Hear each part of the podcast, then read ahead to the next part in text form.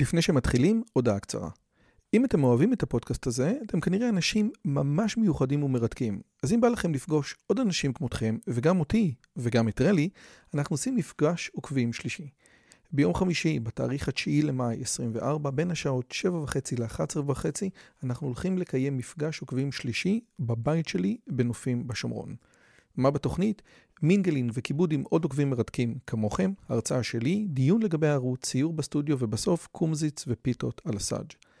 הרשמה מראש היא חובה וניתן לעשות את זה בקישור שבתיאור הערוץ או לחפש את הלינק ביוטיוב. נשמח מאוד מאוד לראות אתכם. ועכשיו לשיחה.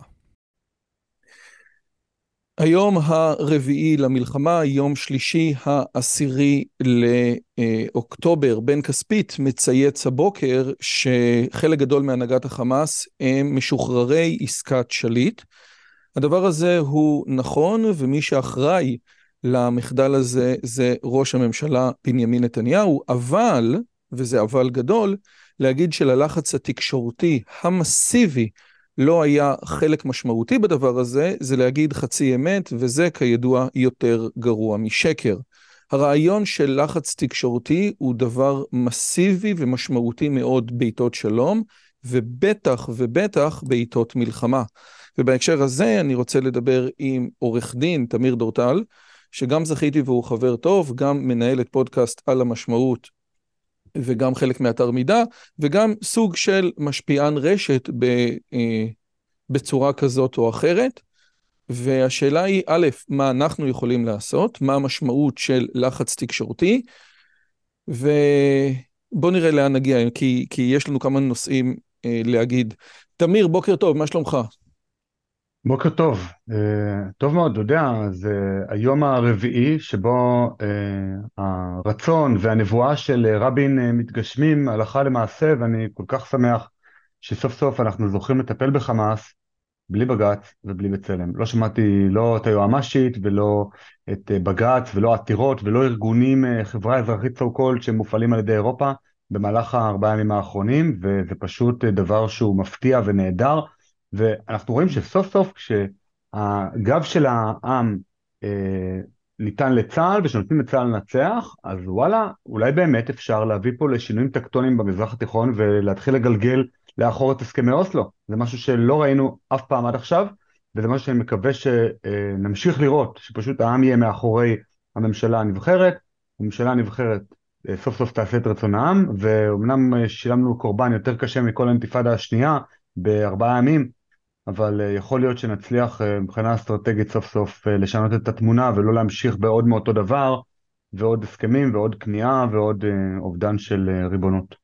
אז אמנם זה לא בג"ץ ולא בצלם, אבל ניר קיפניס, אני חושב בהארץ או, או בוואלה, כותב מאמר מערכת שבעצם אומר, תקשיב, אתה, כולם פה יושבים ומחכים לאיזו תגובה שהיא מטורפת והיא לא תגיע. כן? אז מי שמכיר, מי שנכנס לאתרי החדשות בטלגרם רואה באמת בבוקר אה, זוועות, או כן, שכונת רימל, אה, שכונת רמל או רימל, אני לא יודע כבר איך קוראים לה, שכונה הרוסה של מה שנקרא אה, הרובע של חמאס, אבל עדיין יש במקומות מסוימים הקש בגג, עדיין לא רואים הרס מסיבי, ועדיין הפחד הגדול ביותר שלפני כניסה קרקעית לא יהיה השטחה מלאה של המקום, כן? יש כל מיני דברים שאמרו, בואו תגידו להם, תתפנו, אבל זאת אומרת, באמת אין בג"ץ ואין בצלם, ובאמת בעזה אומרים שיש תקיפות בסדר גודל שהם לא הכירו, אבל זה לא אותו דבר, כן? זה לא ברלין 1945, כמו שמישהו כתב אצלך.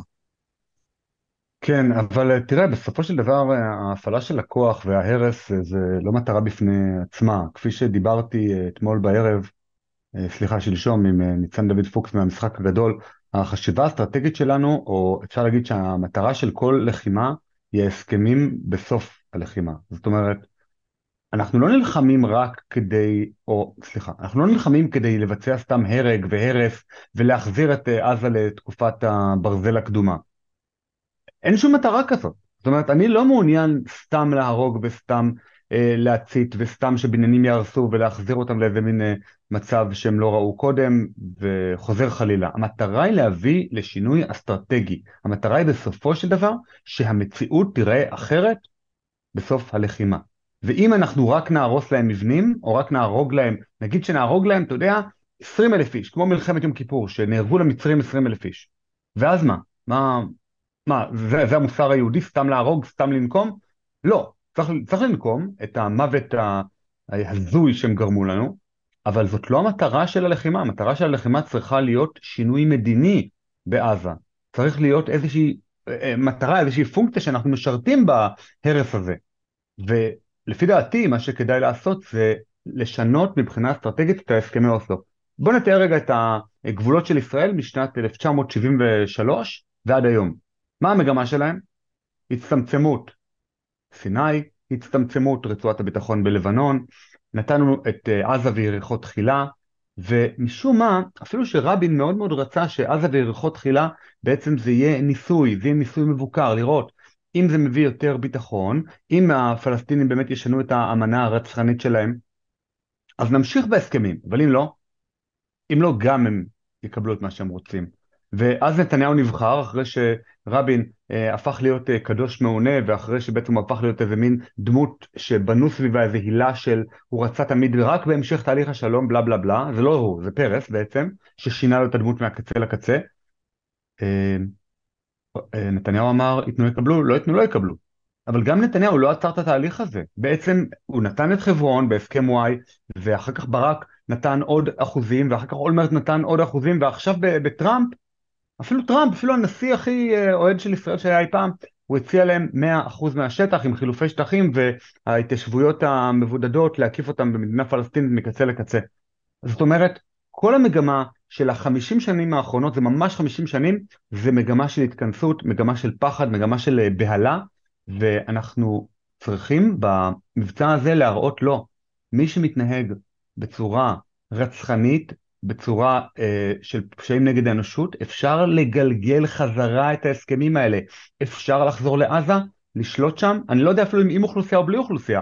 יכול להיות שאחת המטרות צריכה להיות להגיד לכל האוכלוסייה הזאת, אין לכם מקום, אתם אוכלוסייה תומכת טרור, אתם בחרתם בחמאס, חמאס מייצג אתכם וכל הפשעים שבוצעו בוצעו בשמכם ולכן אתם מוזמנים ללכת למדינה ערבית שתקלוט אתכם או שתשים אתכם במחנות פליטים, זה לא מעניין אותנו. עופו מפה, זאת הארץ שלנו.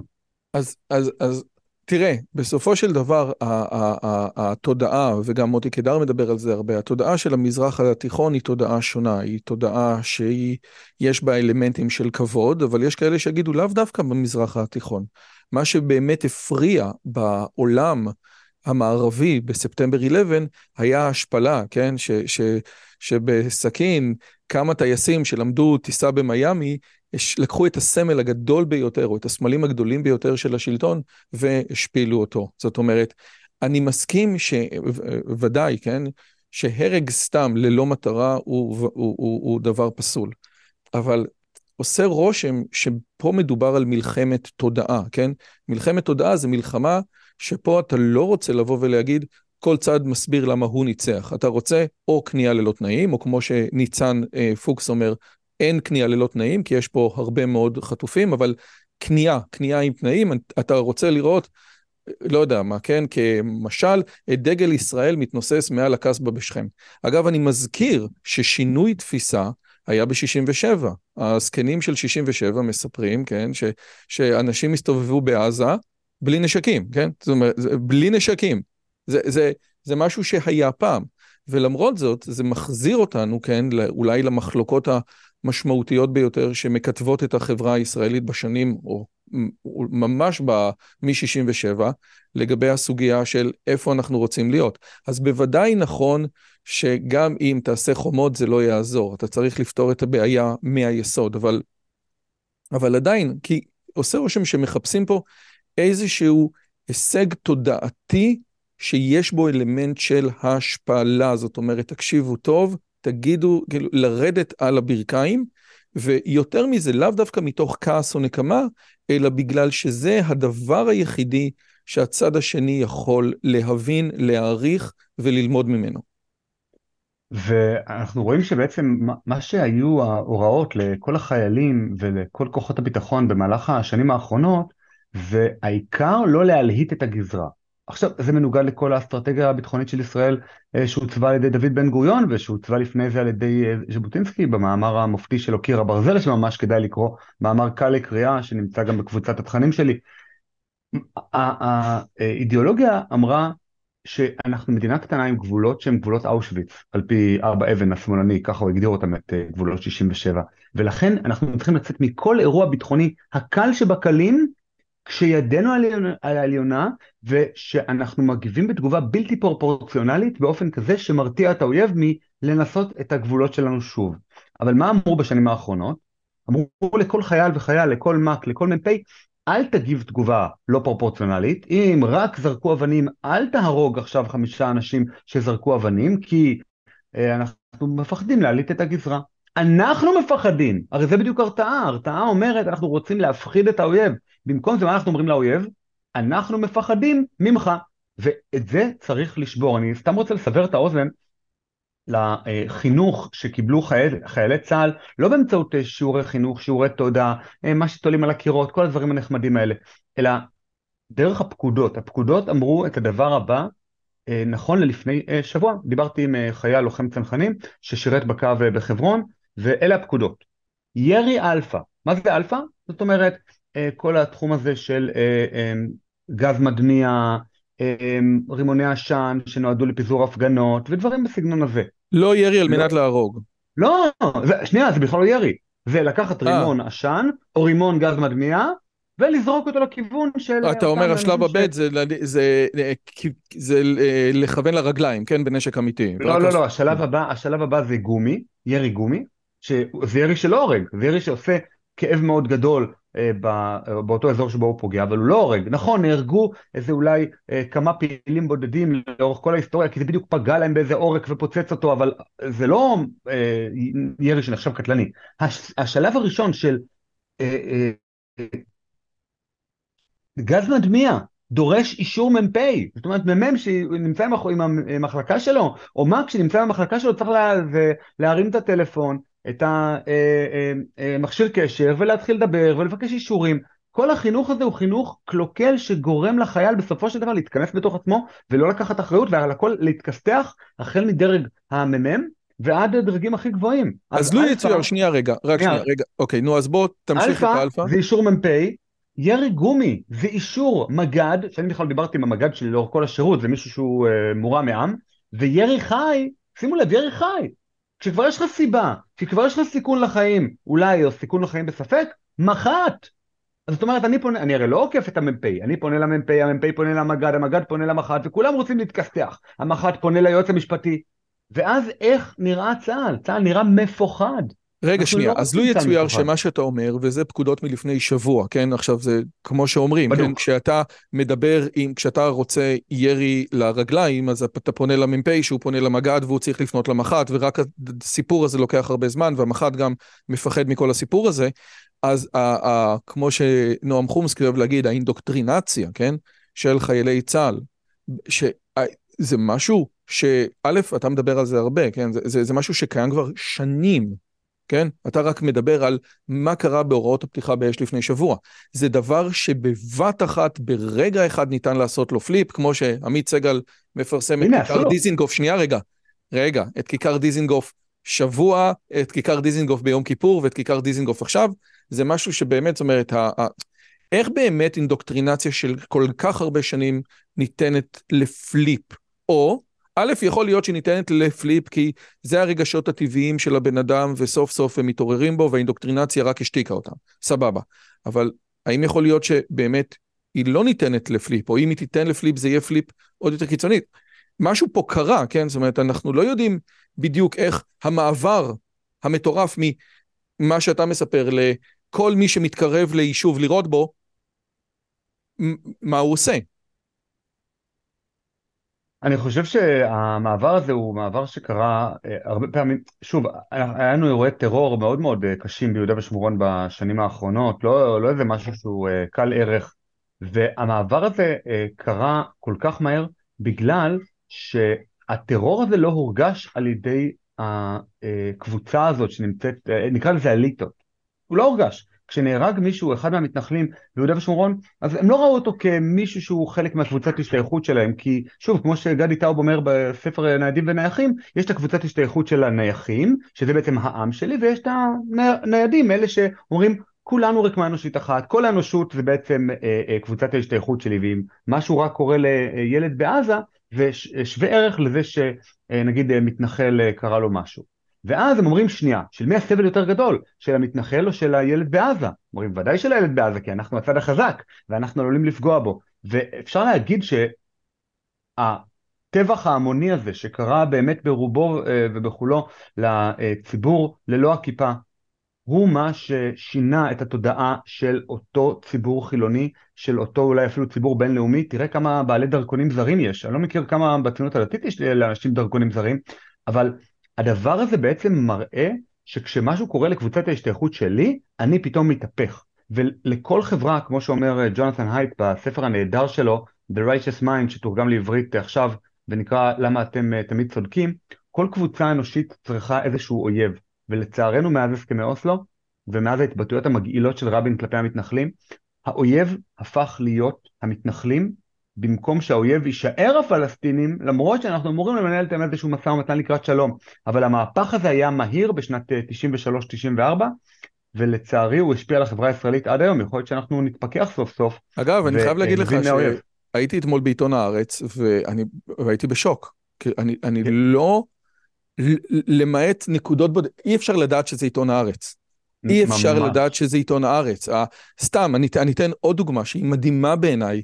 אוניברסיטת חיפה, שהיא קו שמאלני קשוח מאוד, אני שייך לקבוצות של האקדמיה, כן? אז אני רואה מה הולך בתוך העולמות של האקדמיה. אה, קו שמאלני קשוח מאוד לכל הדברים, מלאה בסטודנטים ערביים.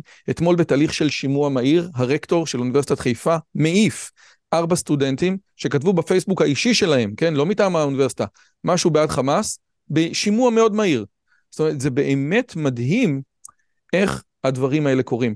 אני רוצה, אה, אני, אני גם מביא את דן שפטן לשיחה, אבל אחד הדברים שדן שפטן אומר, זה שדן שפטן אומר, טוב, הוא, הוא שלח עליך טיל, אתה שולח עליו טיל. אבל דן שפטן אומר, זאתי דרך לא נכונה להסתכל על זה.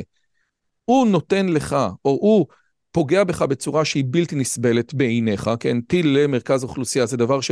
שהיהודים לא מסוגלים להכיל, אתה צריך לעשות משהו שהוא בלתי נסבל בעיניו, כן? זה אמור להיות תגובה מידתית, אבל ברמת התוצאה. משהו שהוא בלתי נסבל בעיניך מול משהו שהוא בלתי נסבל בעיניו. זה מה שהוא מדבר ש... כן, זאת אומרת, זה... אה, אם טיל למרכז האוכלוסייה שלי הוא, הוא בלתי נסבל, יכול להיות שמאה טילים למרכז האוכלוסייה שלהם, כן. ו-400 הרוגים, כן. זה נסבל. נכון, ועושה רושם, עושה רושם שעדיין, שוב, אנחנו רואים את ערוצי הטלגרם בערבית, לא מדובר בפגיעה בלתי נסבלת, והראיה היא שדובר חמאס לא מתחנן למים ואוכל, כן? זאת אומרת, אה, אה, עדיין אנחנו לא עושה רושם בתגובה בלתי נסבלת. ואני חושב שאנחנו לא צריכים אה, ללכת אחרי דן שפטן של תגובה נסבלת או בלתי נסבלת. לא, הוא אומר צריך תגובה בלתי נסבלת. אבל... לא, אני חושב שאנחנו לא צריכים לשחק את אה. משחקי התודעה האלה. זה, זה לא העניין, אנחנו צריכים להפסיק עם ההתראה הכרעה, ואז הרתעה. זאת אומרת, אנחנו לא צריכים לבוא ורק להכריע את האויב ברמה התודעתית. מספיק עם כל המלת"ם, המרכז של נווה שהוקם בצה"ל ובא ורצה להפוך את צה"ל לצבא פוסט מודרני של אפקטים, ואנחנו מכירים את כל הדיבורים האלה על השתבללות ועל כל הדברים האלה של מלחמת לבנון השנייה. לא, אנחנו צריכים להוביל שינוי בסופו של דבר בשטח. או הפלת חמאס, החזרת הריבונות שלנו, שלטון צבאי בעזה, אם, ש... אם תישאר שם אוכלוסייה, פינוי האוכלוסייה לאל עריש והקמת עיר חדשה בחסות בינלאומית אה, אה, בסיני, או פינוי שלהם לאיזושהי מדינה שתרצה לקלוט את הטרוריסטים האלה. אלה הדברים שאנחנו צריכים לעשות. הבעיה הפלסטינית היא בעיה שאין לה שום פתרון פה בגבולות שלנו על ידי ישות מדינית. צריך להבין את זה, אתה מדבר עם מרדכי קידר אה, בקרוב, וזאת בעצם התוכנית שלו, הוא אומר הפלסטינים כאומה, כלאום הם לא קיימים, מה שכן קיים ומה שהמודל היחידי שאפשרי במזרח התיכון הוא מודל של אמירויות, אם בכלל. הערבים גם בתוך צרפת, גם כשאין להם שום קטע של אה, אה, אספירציות לאומיות. שהוא לכאורה קדוש. כן, אז יש להם אספירציות לאומיות. האסלאם עצמו כולו הוא לאום. וזאת הבעיה שלנו, זאת הבעיה של העולם, וזאת הבעיה שמתחילים להבין כרגע באירופה. האסלאם בעצמו, לפחות האסלאם הפונדמנטליסטי, כפי שקוראים בספרים וכפי שנאמר בחזית, הוא אידיאולוגיה רצחנית. מי שרוצה לראות, אני גם מדבר על זה, על לקסיקון חמאס, אני מדבר על, אנשים לא מבינים, אני עוד פעם מראה, הסמל של תנועת חמאס, כן, פה הוא כל מדינת ישראל. זה נחמד מאוד שיש כאלה שרצו בזמנו לחלק את זה לישראל ויהודה, אלה פשוט, כן, זה כמו שמישהו כתב, אני, אני לא יודע, ראיתי לאחרונה, שאריה טורף בן אדם, זה לא מעניין אותו אם הוא טבעוני או קרניבור, כן? זה, זה, זה לא רלוונטי. ואני חושב שמי שלא מכיר קצת אסלאם, מי שלא אה, הקדיש אה, נגיד 20-30 אה, שעות מהחיים שלו בשביל להבין את האידיאולוגיה של האחים המוסלמים, בשביל להבין את האידיאולוגיה של תנועת האם של חמאס, בשביל להבין, סתם לקרוא את האמנה הפלסטינית, לוקח חמש דקות לקרוא את האמנה של, של אש"ף שלא שונתה מאז בעצם לפני הסכמי אוסלו, למרות שהם הבטיחו, זה הדבר היחידי שהם היו צריכים לתת לנו חזרה. שינוי של האמנה המטופשת שלהם, כמה מילים לשקר לגביהם וזה הכל. האמנה, תוכנית השלבים, זאת אומרת, שוב, אז אחד הדברים שדיברנו הרבה פעמים זה ההתנהלות, כן, גם מה שנתניהו דיבר אתמול אה, בנאום שלו, גם הדברים שהרמטכ"ל מדבר, היחידי שמדבר בצורה יותר נחרצת זה גלנט, כן? אבל את נתניהו שמענו מדבר בהמון המון מבצעים ובהמון מערכות, וזה תמיד נשמע אותו הדבר, ולכן אני לא רואה למה הפעם זה יהיה שונה. גם הרמטכ"ל לא מדבר בצורה ברורה מאוד, זאת אומרת, אני לא רוצה, אם משהו בסגנון של איזשהו עיקרון הפרחה, כן? אם אנשים, אם ילדים עדיין ילמדו את הטקסטים האנטישמיים, של תוכנית השלבים והמנה הפלסטינית ואמנת החמאס, אם הדבר הזה יהיה קיים, אנחנו נכשלנו, כן? ממש קריטריון של אם זה ימשיך ככה, כן? אם לא יהיה פירוז מוחלט של הרצועה, אנחנו נכשלנו, וזה עושה רושם, כן? שאנשים לא בכוונה, כאילו, לא סתם לא אומרים דברים ברורים, כן? לא סתם, כי כשאתה אומר דברים מעוממים, קל מאוד לצאת מזה. נכון, קל מאוד לצאת מזה, וקל מאוד לצבא בסופו של דבר להגיד, הנה, הבאנו להרתעה, הבאנו להכרעה, הבאנו לכל הדברים האלה, ואין שום דרך לבדוק אותם מבחינה אובייקטיבית, אם באמת uh, צדקנו. אבל באמת, אני חושב שצריך לומר את האמת. הניסוי הזה של אוסלו של השלושים שנים האחרונות, הוא, הוא נכשל. אני, אין דרך שום דרך להגיד שהוא הצליח, אין שום דרך להגיד שהאוכלוסייה... אבל כשאתה אומר שהוא נכשל, אז בוא רגע נחדד. לפני... כשאתה אומר שהוא נכשל... רגע, שנייה, רגע. אז יש עיקרון שנקרא, ייתנו יקבלו, לא ייתנו לא יקבלו. מאוד פשוט. לא, שנייה, כאשר אנחנו אומרים נכשל, אתה מבין? כי רוב האנשים, אני, אחד הדברים שאני מדבר עליו זה שרוב האנשים, כן, כמו לי באיזשהו מקום משפט קצב, כן? לרוב האנשים יש דעה על אוסלו, בין אם הם יודעים אותה, או כאילו בין אם הם קראו ובין אם לא, אוקיי? אז בהקשר הזה, כשאנחנו אומרים אה, אוסלו נכשל, אנחנו בעצם מתכוונים למה? לאוטונומיה ערבית בעזה אוטונומיה ערבית בעזה שהם יעשו מה שהם רוצים, הם רוצים את הרשות, אם הם רוצים את החמאס, והם, ואם יהיה להם אוטונומיה בעזה, הם יהיה בסדר, יהיה קום ביה, הרי לא היה להם אוטונומיה 100%, לא הייתה להם שדות תעופה, הם היו, אתה יודע, החשמל הוא, החשמל הוא ישראלי, הם מאוד מאוד צריכים אותנו. המאמר הראשון של הארץ זה, מה קורה, תראו מה קורה ששני מיליון אה, אזרחים נמצאים תחת סגר. אז בוא רק ת, תחדד את מה מבחינתך נכשל. זהו, זה באמת זה אה, חידוד חשוב, כי בעצם הסכמי אוסלו הם נתנו להם איזושהי ריבונות, איזושהי מדינה מינוס, כפי שנתניהו ורבין הגדירו את זה, אה, והמטרה של רבין הייתה, ושוב אני חוזר כל הזמן לרבין, כי אני באמת מעריך את הבן אדם הזה ברמה שקשה בכלל לדמיין, אני, כש, כשרבין נרצח הוא מבחינתי היה דמות אבא אני, אני הרגשתי כאילו שסבא שלי אה, אה, נרצח באותו יום. אה, בא ממשפחה מפאיניקית של מצביעי עבודה ומרץ, וזאת הייתה הממשלה הכי נאורה שיכולנו לקוות לה בזמנו, וגם אני האשמתי את המתנחלים ואת הכיפות הסרוגות, אה, אפרופו ברצח הזה, עד שאני נהפכתי להיות גם אחד מהם.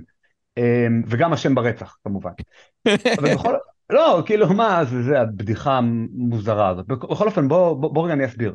רבין ונתניהו, או, או רבין וכל הביטחוניסטים שקדמו לו, בעצם אמרו, אנחנו לא מסוגלים לטפל בטרור של האינתיפאדה הראשונה שהתחילה ב-87, ולכן, בכלים שיש לנו, ולכן מה נעשה? נטפל בהם על ידי האויבים שלהם, הפרד ומשול. נטפל בחמאס, בלי בג"ץ ובלי בצלם, בצורות לא אנושיות, בצורות מחרידות, שדומות למשטרים חשוכים, על ידי דיקטטור מקומי, שאנחנו נמליך אותו. והדיקטטור המקומי הזה היה ערפאת. רבין ציפה שערפאת יילחם בטרור בלי בג"ץ ובלי בצלם בצורה לא אנושית. זו, זה היה אוסלו. זאת אומרת, הפונקציית הצלחה של אוסלו זה אם באמת אין טרור, ואם באמת הטרור ממוגר על ידי אש"ף, על ידי ערפאת, ופונקציית כישלון, כפי שרבין הגדיר אותה, זה אם הטרור לא ימוגר. ואנחנו רואים שאנחנו כבר 30 שנה מדממים של אין יום בלי זריקות אבנים ביהודה ושומרון, אין כמעט שבועיים שלושה בלי נרצח. מה זה הדבר הזה? ההסכם הזה נכשל ולכן צריך לגלגל אותו לאחור. דברים שנכשלים צריך לגלגל אותם לאחור. כפי שאומר איינשטיין, אם אתה חוזר על משהו פעם אחר פעם ומצפה לתוצאה שונה, אז אתה משוגע. אז אני לא רוצה לחזור על הדבר הזה שוב ושוב ושוב, שוב לתת להם ריבונות, ושוב לראות שזה נכשל, ושוב לראות גופות מדממות של יהודים ונשים שנאנסות ושבויים וחטופים. לא רוצה, נגמר. הדבר הזה נכשל, וצריך להכיר בדבר הזה. אגב, היום כתבתי חמאס אונס בגוגל, והתוצאה הראשונה זה מאמר מערכת קשה בעיתון הארץ, נגד הסיפור הזה, כן? שוב, באמת יש פה איזשהו שינוי תודעתי. אני רוצה לסיים בטקסט שראיתי שמישהו כתב באחד הערוצים אצלך, שהיה מאוד מאוד מעניין. אני רוצה רק לקרוא כמה משפטים ממנו, כי אני, אני באמת חושב שהוא חזק.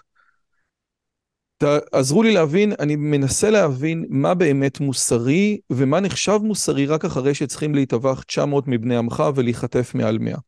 פתאום לתקוף ללא התראה זה מוסרי, פתאום לנתק אוכלוסייה אזרחית ממים או מחשמל ובעזרת השם מאוכל זה מוסרי, פתאום הרג נשים וילדים של האויב זה נזק בלתי נמנע. לוגיקה פשוטה מראה שאם כן מוסריות, שאם כן, מוסריות היא לגמרי יחסית. ביחס למצב, מי מחליט מה המצב הנוכחי? זה באמת מדהים, זה, זה לא... צריך באמת לראות איזשהו שינוי תודעתי לגבי מה זה מוסרי, ובכלל, מבלי להיכנס לסוגיות היותר פילוסופיות, של אולי אנחנו לא מבינים בכלל מוסר, והמוסר שלנו לקוח העתק הדבק מהנוצרים, שבעצם פטרו את עצמם ממוסר המדינה על ידי המשפט האלמותי, את אשר לקיסר תנו לקיסר, ואת אשר לאלוהים תנו לאלוהים. מה אתה אומר? אני אומר שהמוסר הנוצרי השפיע עלינו ולא בכדי בגלל אה, שאנחנו מאפשרים אה, כמו מדינה שלא רוצה להתקיים פה בעצם אה, להרבה מאוד עמותות נוצריות אירופאיות שהיא התרבות הנוצרית לבוא ולשנות לנו את מוסר המלחמה. אנחנו צריכים להיות מדינה ריבונית שלא מאפשרת לשום עמותות ולשום גופים להתערב לה כאן בדיני מלחמה שהיא נלחמת בהם. והנה אנחנו רואים. אין בג"ץ, אין בצלם, אין שום דיבורים ואף על פי כן צה"ל מפציץ והורג ילדים אבל שום ביקורת, שום דבר. זה כאילו שאין דבר כזה אה, דיני מלחמה. אז הנה, אין דבר כזה דיני מלחמה, הכל פוליטי. הכל תלוי איך הדברים מצטלמים ואיזה framing אתה נותן להם. ואם עם ישראל ידע להגיד, אוקיי, זה הביקורת המטופשת שאתם אומרים לנו, אנחנו מוכנים לשלם את המחיר הזה של הגינויים ושל זה שלא יקבלו אותנו במסיבות קוקטיילים, העיקר שדם יהודי לא יישפך, אז אנחנו ננצח. וזה מאוד תלוי באחריות האישית שלנו ובכמה אנחנו עכשיו מתגייסים.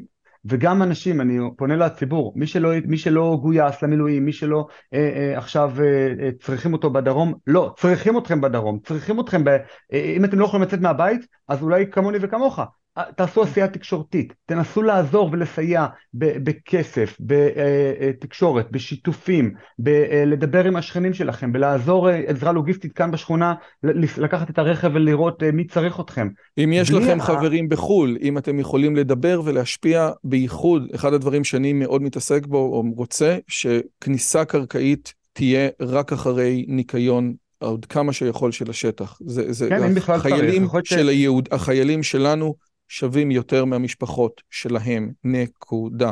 תמיר דורטל, תודה רבה. אתה תמשיך את העשייה שלך, אני אמשיך את העשייה שלי, וניפגש יותר מאוחר. ביי ביי.